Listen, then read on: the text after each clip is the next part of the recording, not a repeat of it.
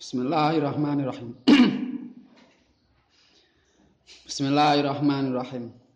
Mabahasunil adatu laisan tu laisat tu'tabar ila ladat tiratiha kamastahar.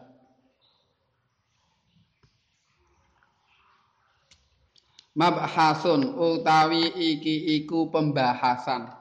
Mabhasun utawi iki iku pembahasan. Al-adatu utawi pengadatan. Al-adatu utawi pengadatan iku laisat ora ana apa adat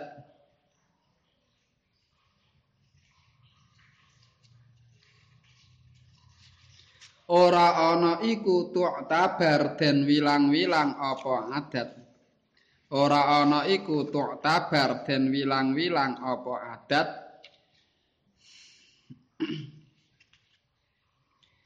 Illa ladat tiradiha illa ladat tiradiha kejaba ing dalem nalikane kelakune adat. Kejaba ing dalem nalikane kelakune adat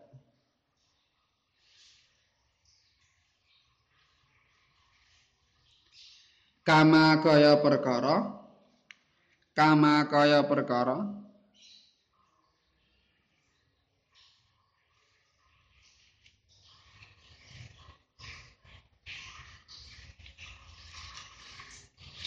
Istahara kang kuncara apa ma?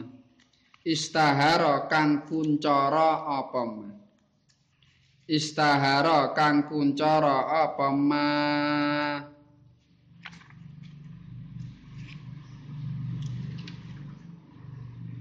al murad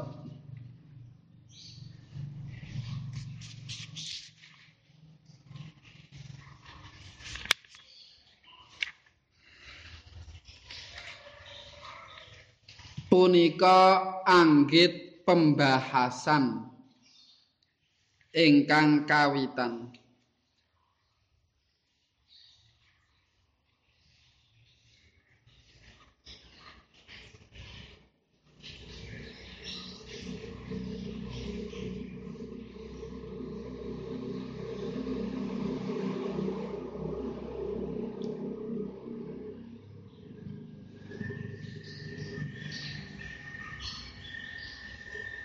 adat waget dipun wical-wical.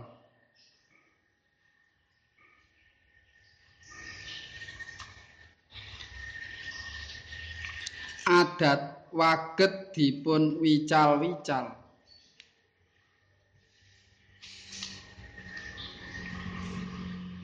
Minangka dasar hukum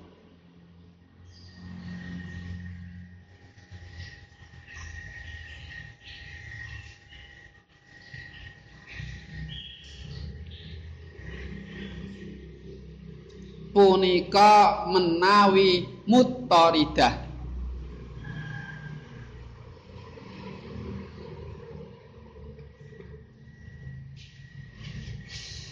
Punika menawi muttaridah.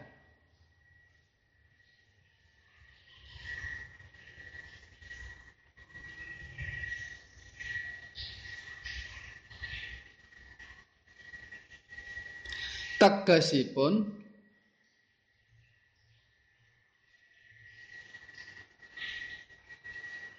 perkawis.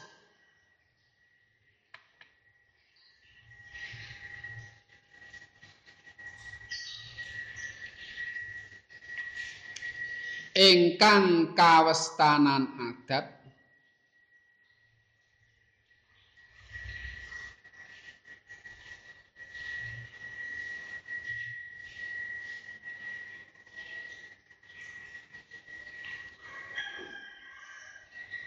punika kedah lumampah.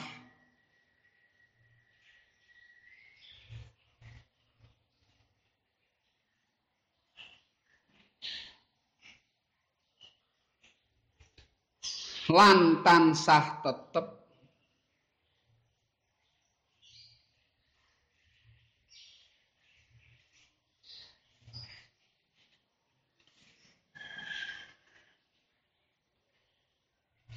wonten sedayanipun?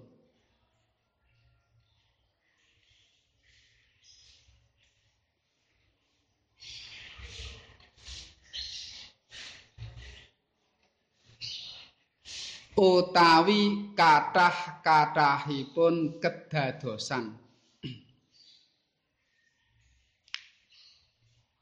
Utawi kathah-kathahipun kedadosan sami ugi.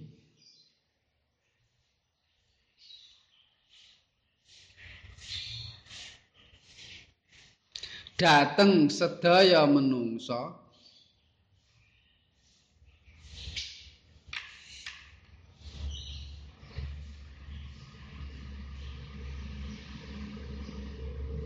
Utawi setunggal golongan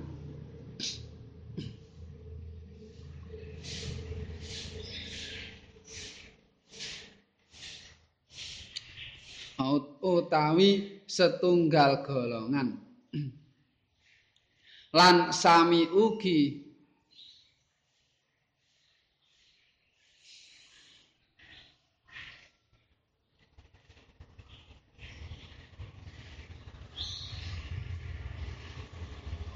wonten sedaya daerah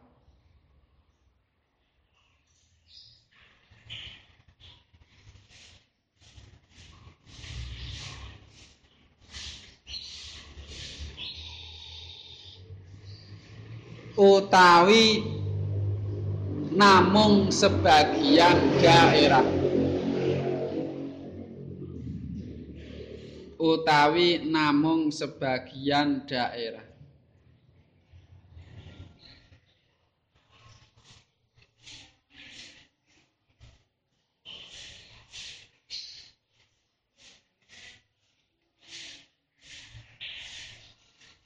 Dene menawi adat menika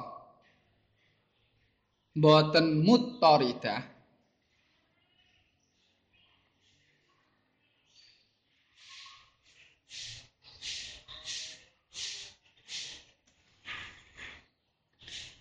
boten mutoridah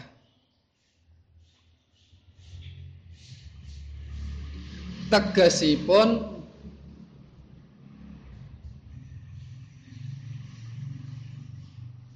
boten netepi setunggal tingkah.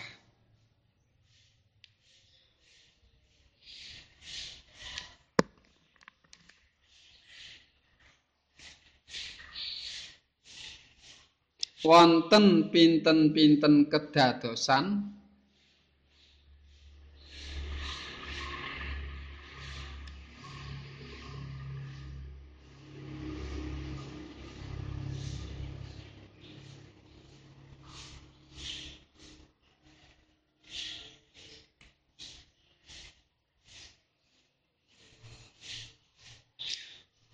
punika adat boten kawical-wical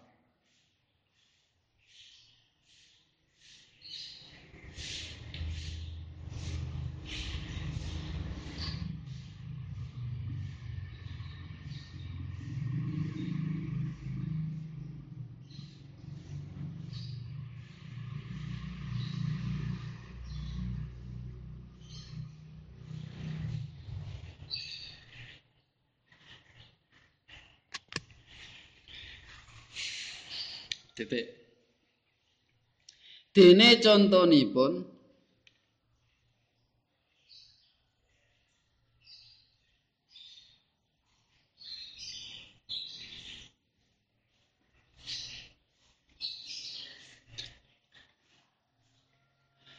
menawi tiang sadi perkawis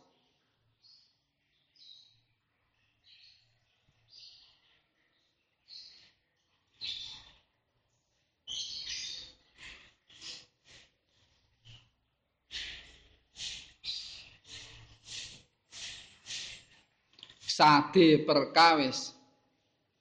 Mawi pembayaran yatra.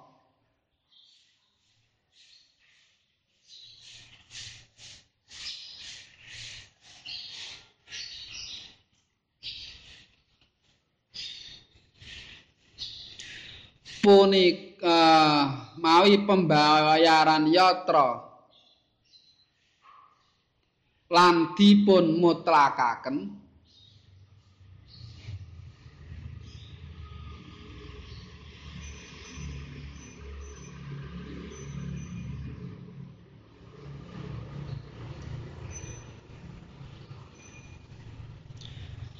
Punika dipun arahaken.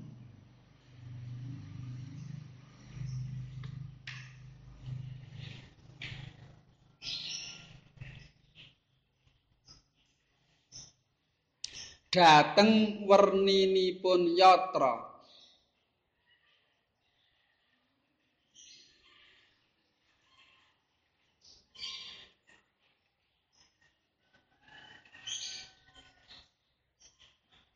ingkang kaprah kelampah.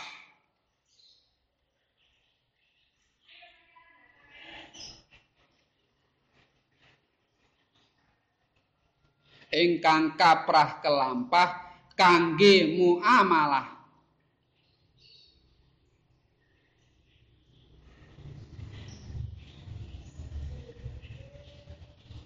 Wonten daerah kasebat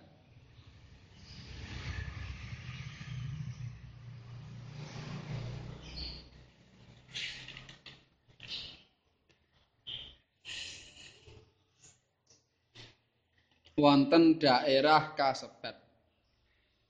Dene menawi wonten daerah kala wau Dene menawi wonten daerah kala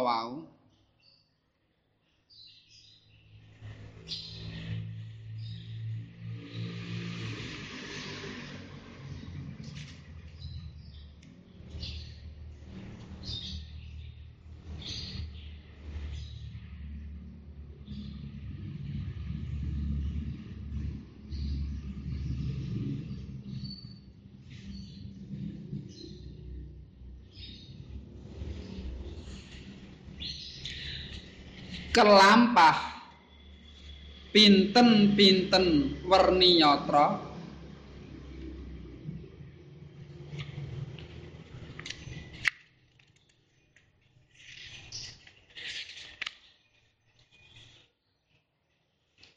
kelampah pinten-pinten werni yatra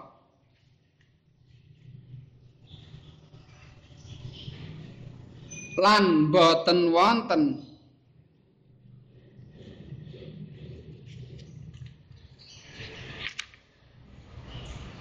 lan boten wonten.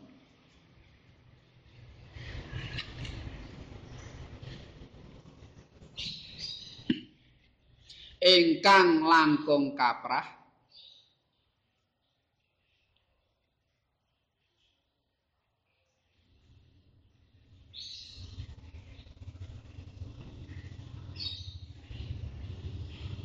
Punika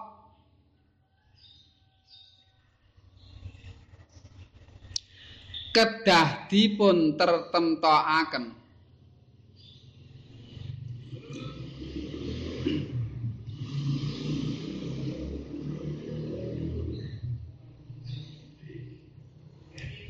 werninipun yatra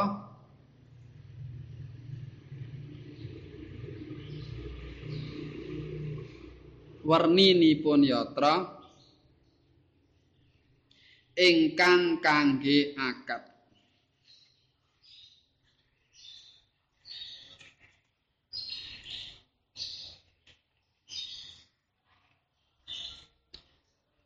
Menawi mboten punika bekipun batal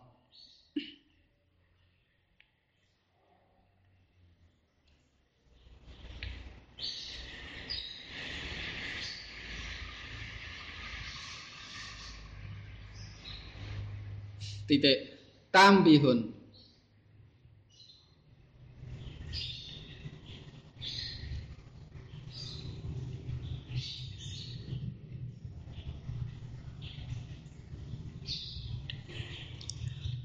Adat ingkang muttaridah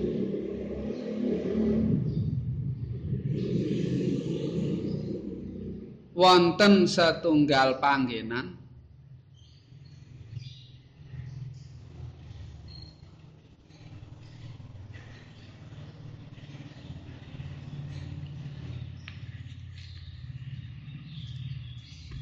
Punika boten waget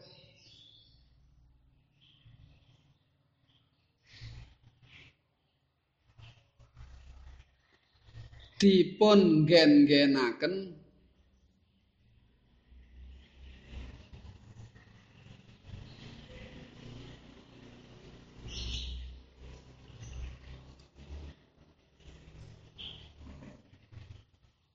minangka syarat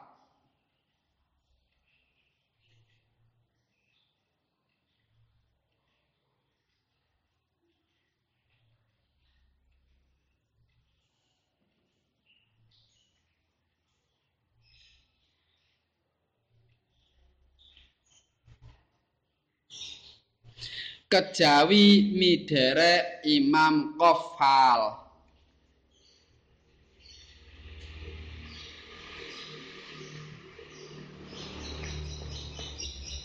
Kejawi midherek Imam Qofal.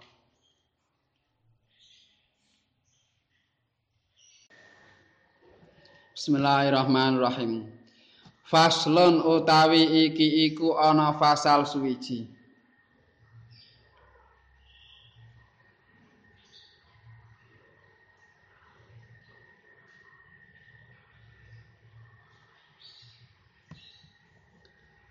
fi ta'arudil urfi ing dalem mertelakake perlawanane uruf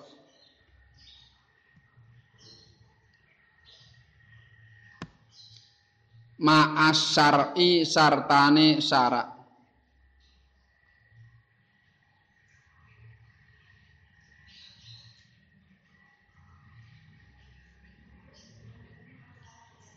wa ta'arudil urfi lan perlawanane uruf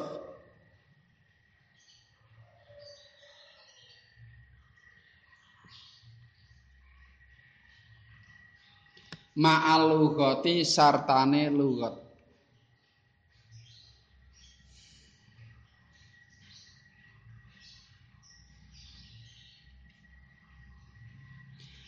Wahai summa ta'aradul urful jali wa syar'u fal yuqaddaman lil awwali.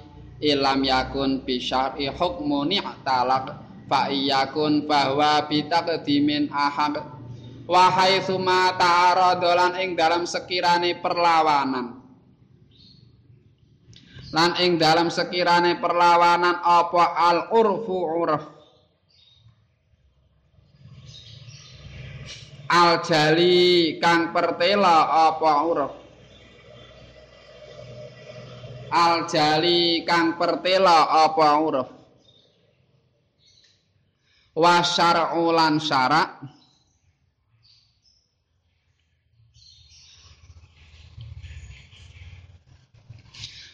fal yuqaddaman mongko becik den dinginake temen fal yuqaddaman mongko becik den dinginake temen.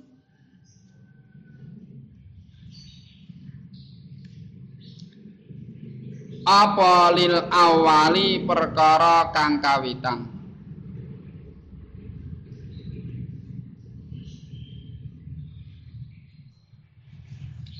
Apa lil awali perkara kang kawitan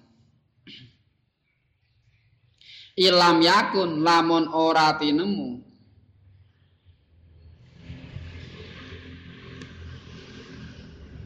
Bisar'i kelawan syarak.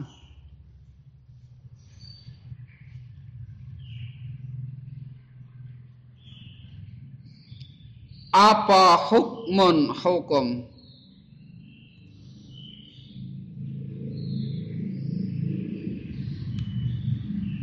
Iktalak kang gegayutan apa hukum?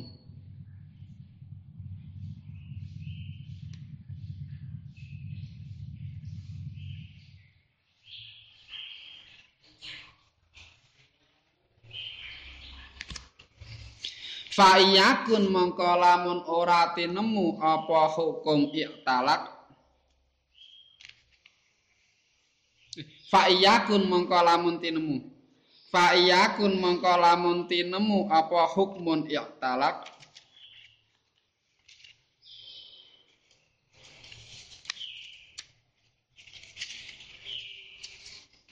fahuwa mongko utawi syarak.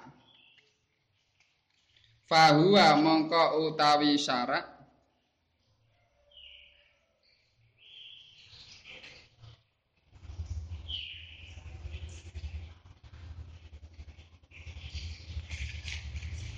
iku ahak. Iku ahakku kang luweh ngahaki. Iku ahakku kang luweh ngahaki.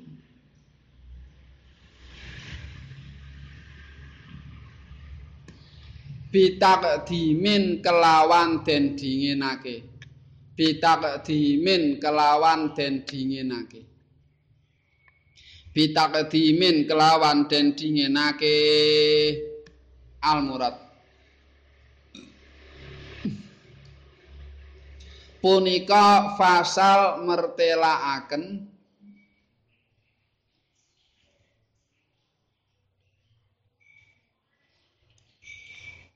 punika fasal mertelaaken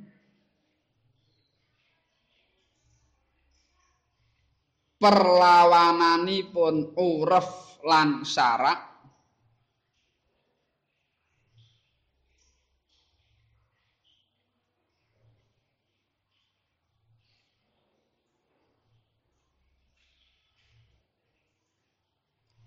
lan perlawanani uh, la saha perlawanana saha perlawananipun uruf lan lugat. Saha perlawananipun uruf lan lugat.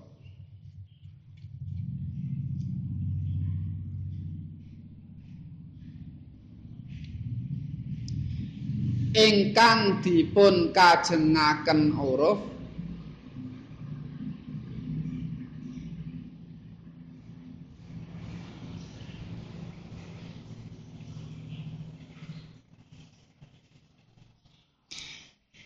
ingkang dipun kajengaken uruf inggih punika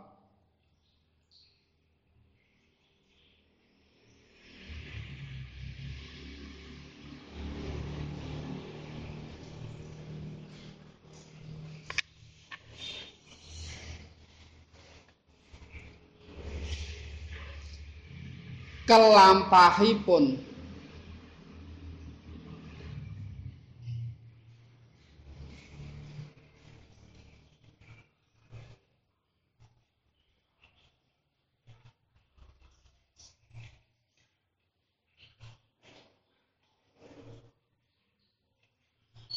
anggenipun ginakaken menungsa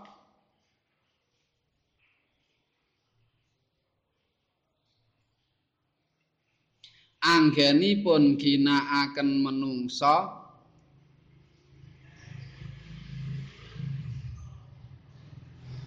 dateng setunggal lafat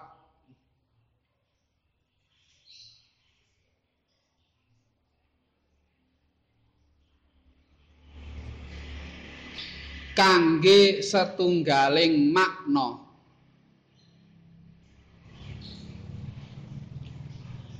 Kangge setunggaling makna. Dene ingkang dipun kajengaken syarak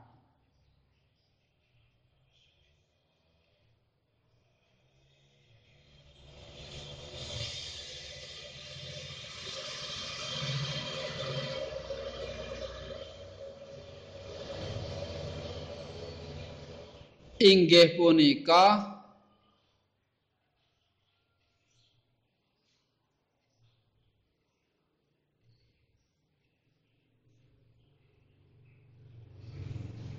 Mastani.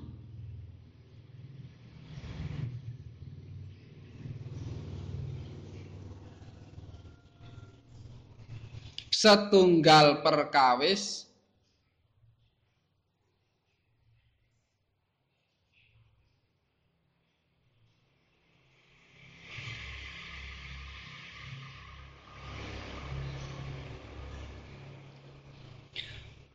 wonten Al-Qur'an utawi hadis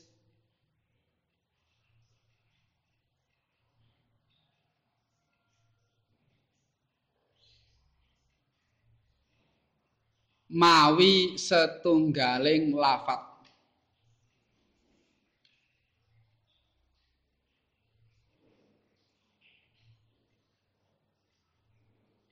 mawi setunggaling lafat titik menawi uruf lan syarak perlawanan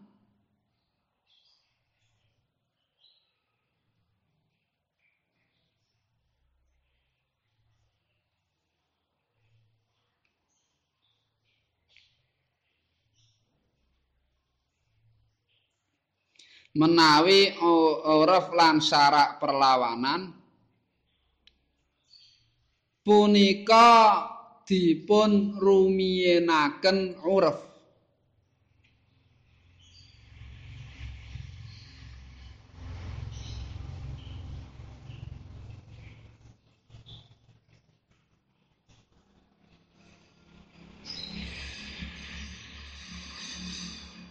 punika dipun rumiyenaken uruf menawi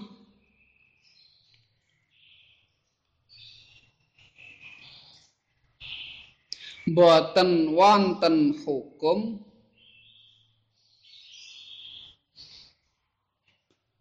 Punika dipun rumiyenaken uruf menawi boten wonten hukum. Punika dipun rumiyenaken uruf menawi boten wonten hukum. Ingkang magayutan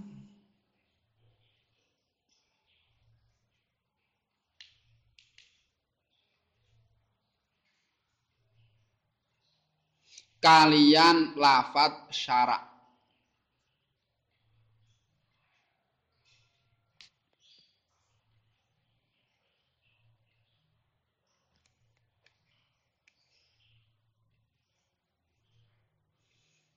Contonipun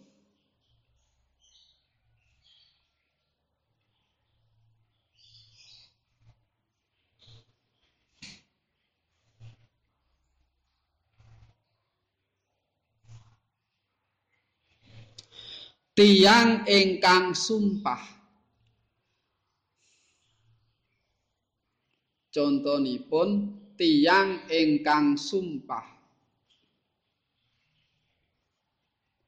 Boten badhe ndahar lahmun.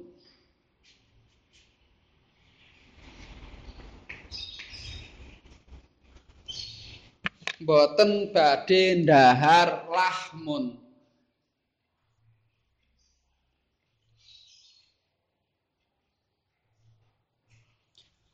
punika boten kawestanan nerjang.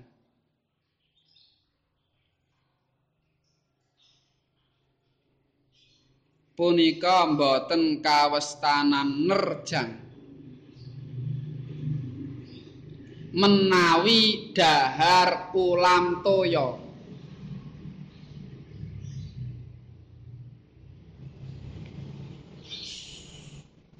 menawi dahar ulam toya.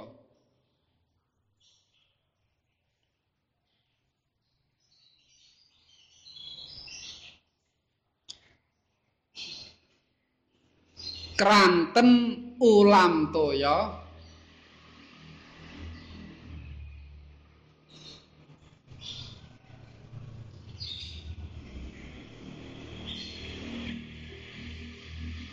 boten lahem.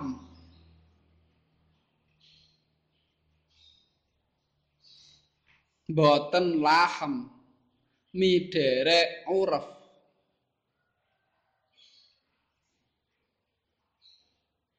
boten lahem. Midere uruf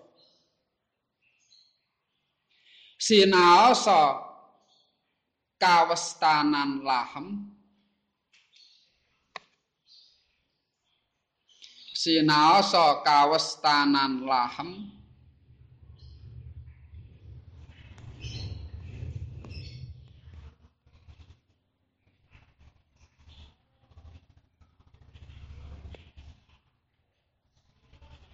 Wonten dawuhipun Allah taala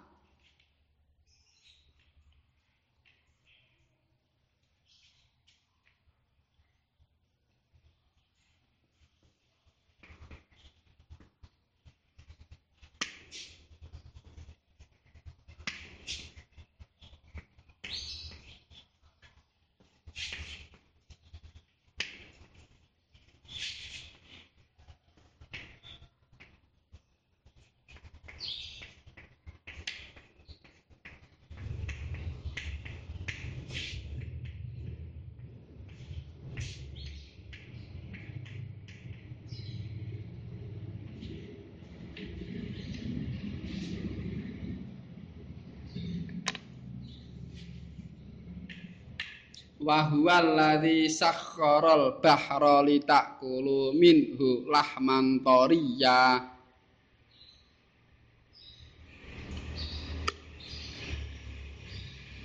Wa huwal ladzi sakharal bahra litakulu minhu lahman tariya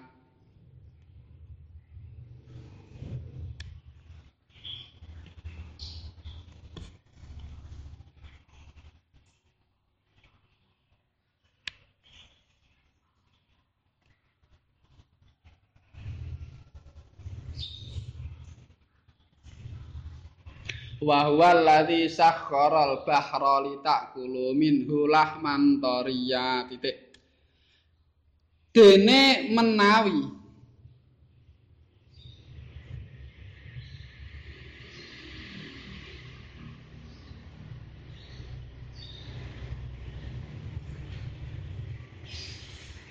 Dene menawi wonten hukum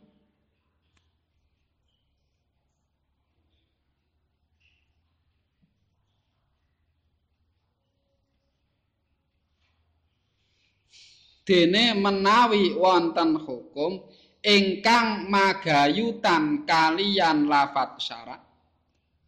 Dene menawi wonten hukum ingkang magayutan kalian lafat syarat.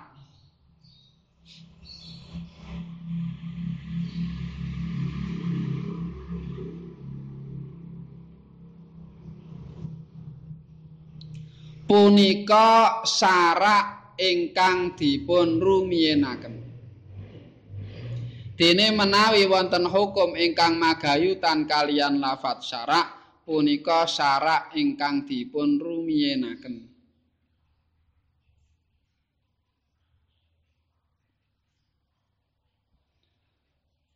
Kados tiang sumpah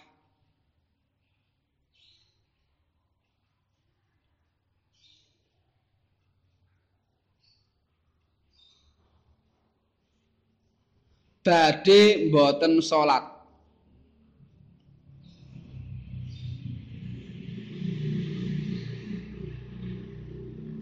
Badhe mboten salat.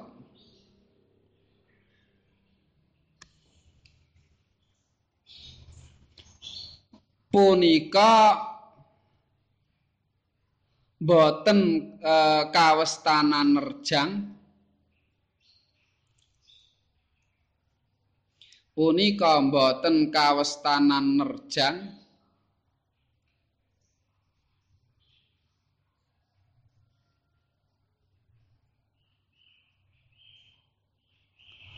Kejawi nglampahi.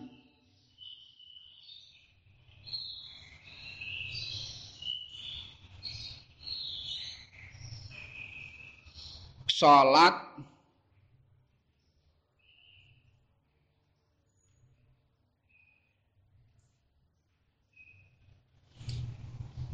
ingkang mengkurukuk lan sujud.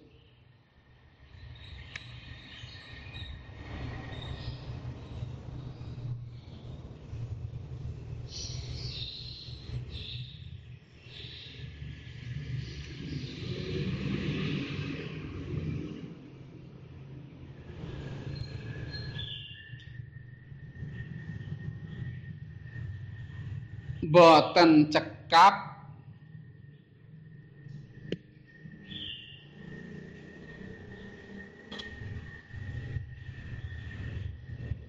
namung donga kemawon.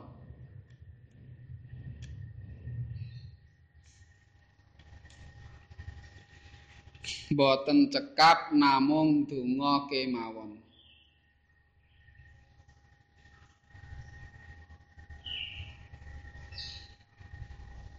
Sinaosa donga kawestanan salat miderek uruf sinaosa donga kawestanan salat miderek uruf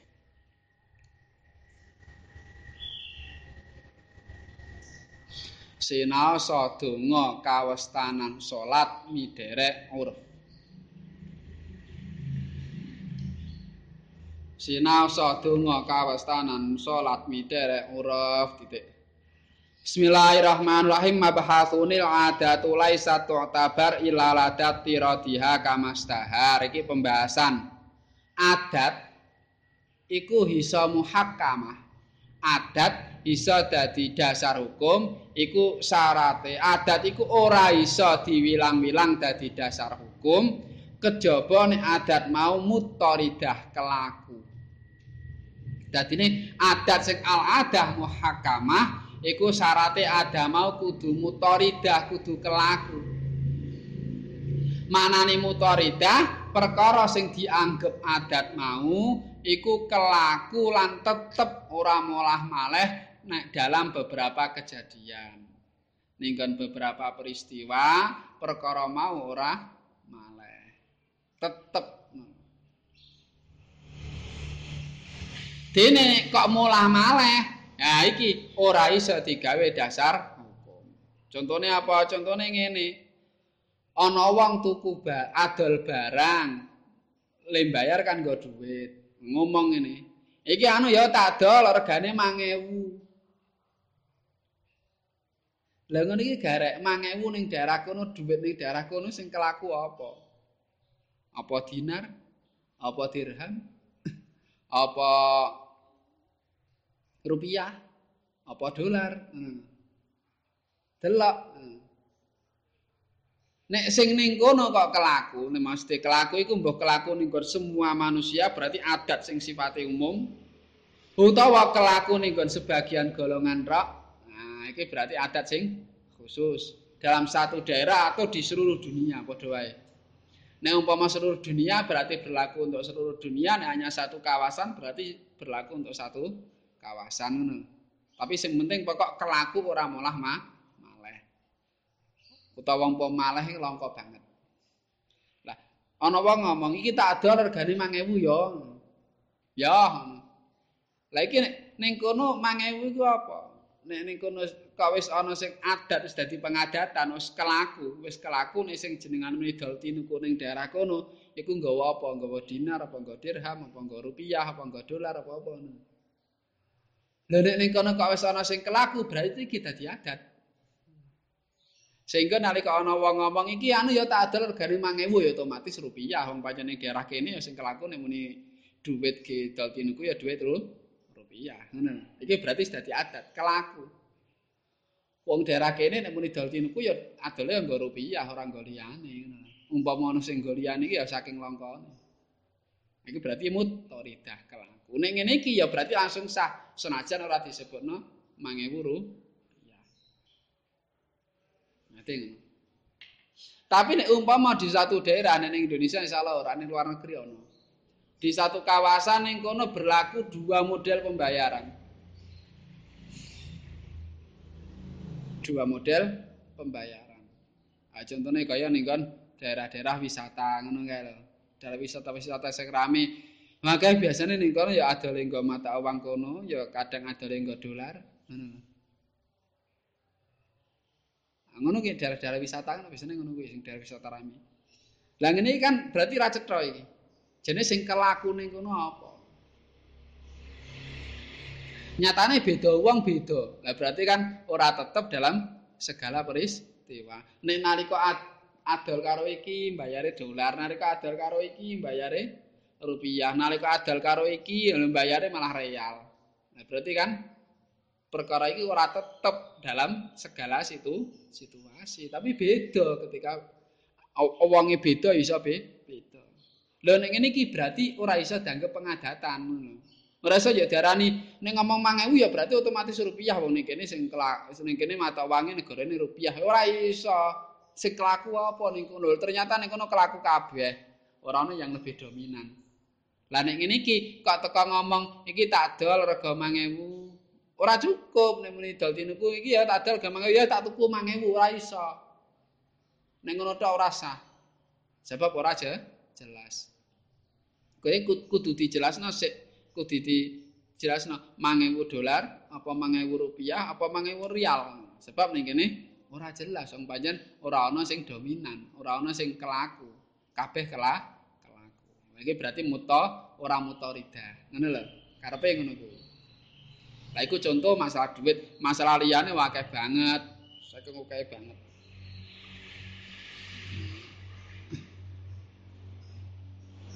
muni ora kelamben to nek muni kelamben cara nggon dhewe jenenge kelambi iki ya pakaian ngene iki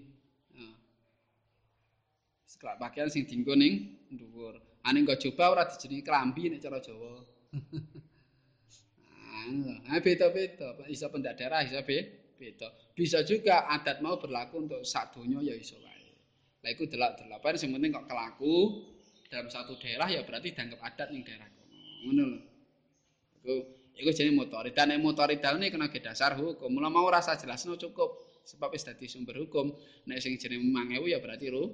Iya, pancen kelakune ngono. Wis fal yukos malam yukol.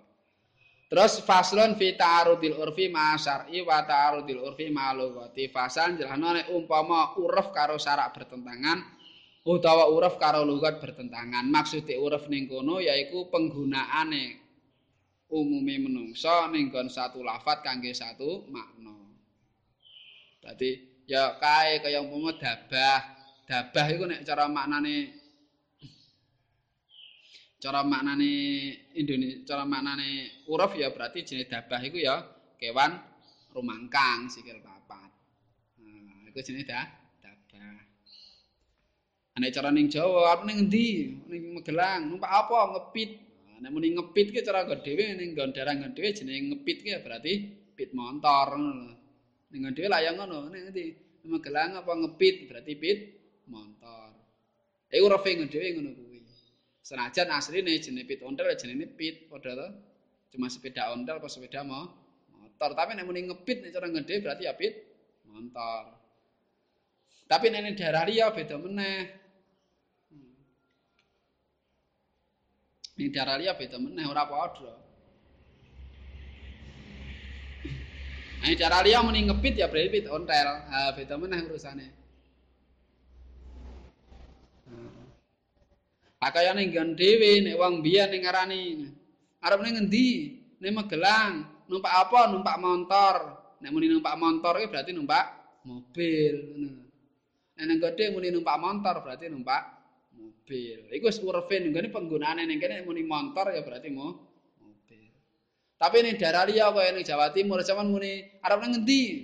Ning Jombang. Numpak apa? Montoran. Iku berarti pit motor, dudu mobil. Nek mobil ya mobilan bahasane. Berarti nek cara penggunaan ning kene berarti motor iku lafat sing digunakake kanggo makna mobil ning kene ning ning daerah kono montor iku lafaz sing digunakake kanggo makna pit motor hmm. eh nah kanggo makna pit motor ngepit ning kene muni ngepit ya berarti pit ontel ning daerah kono muni ngepit ya berarti pit. Eh, ning kene muni ngepit ya berarti pit motor ning daerah kono muni ngepit ya berarti pit ontel nah iku jenenge uruf dadi penggunaan satu komunitas utawa umume wong nek umpama sing uruf sing am umumnya wong utawa satu komunitas, satu golongan, satu lafat untuk menunjukkan suatu mak makna. Lah iku nek huruf khas ya engko iso beda-beda nek huruf am satunya padha. Lah sing dimaksud syarak ning kene yaiku nalika lafat mau disebutno ning Quran utawa hadis kanggo suatu makna ngono lho. Dadi makna mau, makna sing ning huruf mau iku ternyata ning Quran hadis digunakan disebutkan dengan satu Nah iso di ini kan contohnya iki sing bertentangan. Nek bertentangan terus sing lafat syara iku ora ana dijenengi ngono ki ora ana kaitan karo hukum. Iki berarti menang uruf. Contohnya ngene ana wong sumpah. Sumpah aku ora bakal mangan lahem. Ora bakal mangan lahem, ora bakal mangan daging.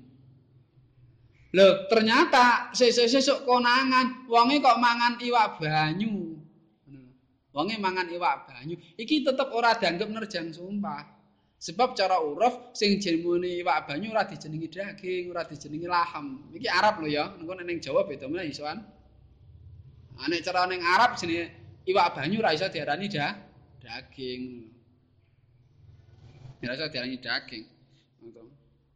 jikono daging malah dijikono grameh. Ya ngamuk ta wong Kok jikono daging malah dijikono gra grameh.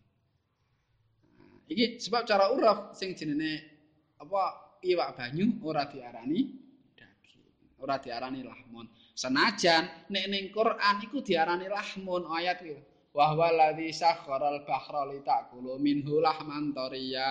Gusti Allah iku sing nglulutake segara li ta'kulu ben. Terus pungkasane kowe kabeh iso mangan saka segara lahman toria ngono daging sing teles. Napa lahman toria iku? Ya iwak banyu jenenge sing sing saka segara jenenge iwak banyu. Iwak banyu cara ning Quran disebut lahmun. Tapi nek cara uruf ora cara uruf ora ana wong ngarani muni mangan daging kok grameh muni daging ya wedhus, sapi, pitik jenenge lahmun. daging kok grameh. Cara uruf ora. Tapi ning Quran disebut ngono kuwi.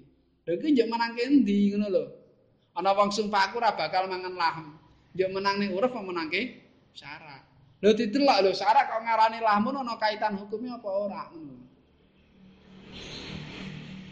Oh ternyata ora ana kaitan hukume kuwi arep dijenengi langsung sebutno lahmantorian langsung sebutno samakan ya padha wae iku cuma sekedar uh, apa penyebutan tapi ora ana kaitan karo hukum. Lah ning ngene iki ya berarti menang uruf. E jenenge lahmun iku ya ora mencakup banyu. Nah, uruf iku kok iso beda-beda ora padha. Cara ning kene muni iwak ngono ya berarti jenenge muni iwak cara ning kene jenenge iwak iku ya iwak ngono. Nek cara ngede muni iwak ya iwak banyu tetep i iwak ning gone nek muni daging ora nek cara ngedhewe daging iku ya wedhus, sapi, pitik, intrak, daging tapi iwak banyu ora katut. Grameh ora katut. Memang daging apa? Daging grameh. Dag mangan apa? Daging, daging apa? Daging jair kaya ora ono. Tapi nek muni iwak katut ning dhewe. Tapi kerupuk ora katut. Lho nek ning nganjuk beda meneh. ning Nganjuk Surabaya barang jeneng iwak iku lawuh. Ora kudu daging. Mula ana iwak payek. Berarti mesti lawuh payek. Zaman nembung tuku sego ning kono takoni iwake napa? Iwake apa? Ya macem-macem. Iwake apa? Ya kerupuk, payek, tempe, tahu kabeh dijenengi iwak. Jenengane lawuh. Nah, lawuh ya. Nek ngene muni lawah iku ya daging. Ngene. Iwak apa? Ndrok. Ngene ana ana iwak ndrok, iwak ndrok, iwak peyek. Mula ana lagu iwak peyek, oh iwak iwak peyek. Ya maksude apa uh, menu makanane iku lawahe pe peyek. Kon dhewe kan ora usah muni iwak ya daging. Iwak ndok ngono kadang kadang isih ana sing ngomong ngono ning umume ora ora kelaku. Ya daging. Ana iwak kok iwak bayek lah ya ora wong kene.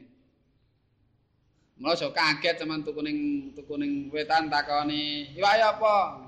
Anu ae bayek wae iwak apa? Kerupuk wae ya. Kaya ngono kuwi. Mula ana iwak ana iwak bayek. Iwak bayek sego jagung sego jagung iwake bayek Ya rasa darari ya rasa darari malah senemen mosok iwake nganti gerbayak. Nah ya. Ya ora melas-melasan nang pancen iku bahasa. Penggunaane be beda. Ngono ya. Iku uruf, uruf iku tiap daerah bisa beda be. Dok ana uruf sing am berarti sak donya ana sing uruf per kawasan, per satu komunitas. Iku dijenengi dijenengi uh, uruf khas. Nah, tapi ketika bertentangan karo syarat itu ya padha. Dadi umpama ana sing ngomong ini, ana wong ana wong wong Magelang ngomong aku sumpah ora bakal mangan iwak. Oh nek mangan apa aku sumpah ora bakal mangan iwak. Lah ning iki berarti mangan grameh ya tetep tetap tetap anu tetap nerjang sebab cara ning kene iwak mencakup iwak gra. Tapi nek mangan payek ora. Pemangan kerupuk urang ya ora, wong kene ora diarani Nek ngomong aku ora aku ora bakal mangan daging ya berarti grame ora katut to ning dhewe. Ah. Nek ngomong ning kene tapi. Ah, tapi nek ngomong daerah liya kok iso beda meneh maknane. Asline uruf uruf iku ana sing am satunya kelaku ana sing khos hanya berlaku untuk satu kawasan atau satu komunitas. Sing satu komunitas contohnya apa fa'il. Fa'il iku maknane ya wong kang nglakoni, tapi nek jemuni fa'il kok ning komunitas nahwiyin ya manane berarti alismul marfu alladzi yuzkaru qablahu fi'luhu. Nah iku beda ora padha. Ngepit itu nek ya pit motor nek muni motor ya berarti mobil. Nek nang Jawa Timur ngepit ke pit ontel nek motor ya berarti pit motor nah beda urusane. Ora padha. Nah itu perbedaan huruf tapi ketika bertentangan karo syarak ini ki hukumnya Lah beda meneh nalika lafat syarak mau lho kok ngopo? Makna kuwi kok diarani lafat nggo lafat kuwi ning syarak lafat iki ana ning syarak. Tapi kok ana kaitane karo hukum. Contone lafat salat. Salat iku mana lugote lak donga. Ya. Mana asline ya donga, kelakune jenis salat iki ya donga. Kalau masalah ya donga. Tapi ketika salat iku sing nyebutno syarak, akimi sholata ngene kae muni salat syarat kan nyebut salat itu berarti maksudnya uh, maksudnya ya berarti uh, perkara sing dikawiti salam eh dikawiti takbir diakhiri salam aqwalun wa af'alun penggawe-penggawe ucapan-ucapan. Berarti mencakup ruku sujud sapa nenggalani. Sing dikawiti takbir diakhiri salam iku mana syarat Lah saiki ana wong sumpah, sumpah aku ora bakal salat. Lah nek dhek umpama kok terus tekan donga, lha iki nerjang apa ora? Nek cara uruf nerjang wong jenengane donga iku jenenge so salat. Lah nek cara sarak salat iku eh, donga ora ora salat wong jenenge salat iku diawali takbir diakhiri sa salam mengkuru kok langsung sujud ngono. Njuk menang ndi? Sik didelok Lho, syarat kok nyebutno salat iku ana kaitan karo hukum apa ora? Lho ternyata akeh banget kaitane karo hukum nek bahasa salat iku. Masalah tata carane, masalah engko dadi kewajiban, engko iso dadi sunat, macam-macam ana akeh kaitane karo hukum. Bukan hanya sekedar pelabelan nama. Tapi ada ana kaitan karo hukum. Lho nek ngene iki berarti nalika ana wong sumpah aku ora bakal salat berarti sing dienggo iku makna sehingga dia ini ndonga tok ora dangkep nerjang sumpah. Baru dangkep nerjang sumpah umpama nglakoni sing dikawiti takbir diakhiri salam ngono nah ngono baru di, diarani nerjang sumpah. Kan kudu diterjang dong sumpah rabeni sumpah ora sembahyang nah cuma cara nerjang piye? Nerjang ya ngono kuwi. Ane gendung tok aku salat kok. Wis ndonga ora iso. Jeneng salat cara syarat ya kudune tetep tetep nah iku ngono kuwi Jadi delok-delok, nah, delok Nalika ada satu lafat sing punya makna yang berbeda dalam syarak karo ning uruf maknane beda. Lah iki berarti engko delok-delok. Nek umpama sing ning syarak ana kaitan karo hukum menang syarak, nek umpama ora ana kaitan karo hukum berarti menang. Iki nalika ana wong ngomong, sebab iki kita fikih, kita fikih iku bahas perbuatane wong. Ana wong ngomong ngene iki lho ternyata lafat kuwi disebutno ning Quran, disebutno ning Contohnya kaya mana kaya ngene iki, ana wong anu. Aku aku ora bakal aku ora bakal pepadang gawa sinare sirojan, gawa sinare uh, damar. Sirojan. Lah ngene iki nek umpama dhewe kok kekaring ora nerjang sumpah. Sebab apa? Sebab sing jenenge srengenge iku cara uruf ya ora diarani lampu ya. Senajan ning Quran dari lampu wajalna asi wajalna sirajau wa haja. Lah iku srengenge iku. Srengenge diarani sira sirajan. Tapi kan ora ana kaitan karo hukum iku. Pelabelan nah. Ngono. Mula menang menang menang huruf e. Ning huruf ya jenenge muni kekareng ya ora dijenengi ora jenenge pepadang lampu to jenengane. Ngono. Iku contone ngono ngono kuwi. Sing kaitan karo sing kaitan karo apa karo karo syarak ya berarti sing syarak ana kaitan karo hukum ya berarti menang menang syarak. Iku kaidahe. Iki kaidah kanggo ngukumi perbuatane wong seperti kaidah fikih, dudu usul fikih ya. Kayak durung kok. Nah, kan nek usul fikih ku beda. Iki sebab urusane apa perbedaan mana antara uruf karo syarak, uruf karo lugat itu bukan hanya terjadi ning kon ning kon kaidah fikih, iso wae juga terjadi ning kon usul fikih. Usul fikih kok kaitane kan karo masalah karo masalah dalil lah. Objeknya dah dalil. Nek iki fikih, nek fikih kok objek objeke dudu dalil. Fikih ku objek sasaran pembahasannya adalah af'alul mukal Fin mula niki sing dibahas ucapane wong mukallaf. Nah, dudu bahas masalah apa ah dudu bahas masalah masalah no masalah dalil enggak masalah masalah dalil beda meneh. Nah, enggak masalah dalil kaya kae ngono tau mbiyen masalah sing gon tawaf ngono kae. Dalile tawaf akhire kudu suci. Nah, itu kan urusane ngene iki. Cuma iku urusane niku dah dalil mula usul fikih. Nek iki iki kok kaidahe beda meneh kok. Nek usul fikih karo kaidah fikih kaidah fikih sasarane af'alul mukallafin perbuatan atau ucapane wong mukallaf. Mula aja dirancukan. Nah iki sing iki sing uruf karo syarat dan pati kita bedane iku sing nggon uruf karo lugat, wae kita bedane. Hmm. Aja nganti keliru, aja nganti kuwali. Suwala alam.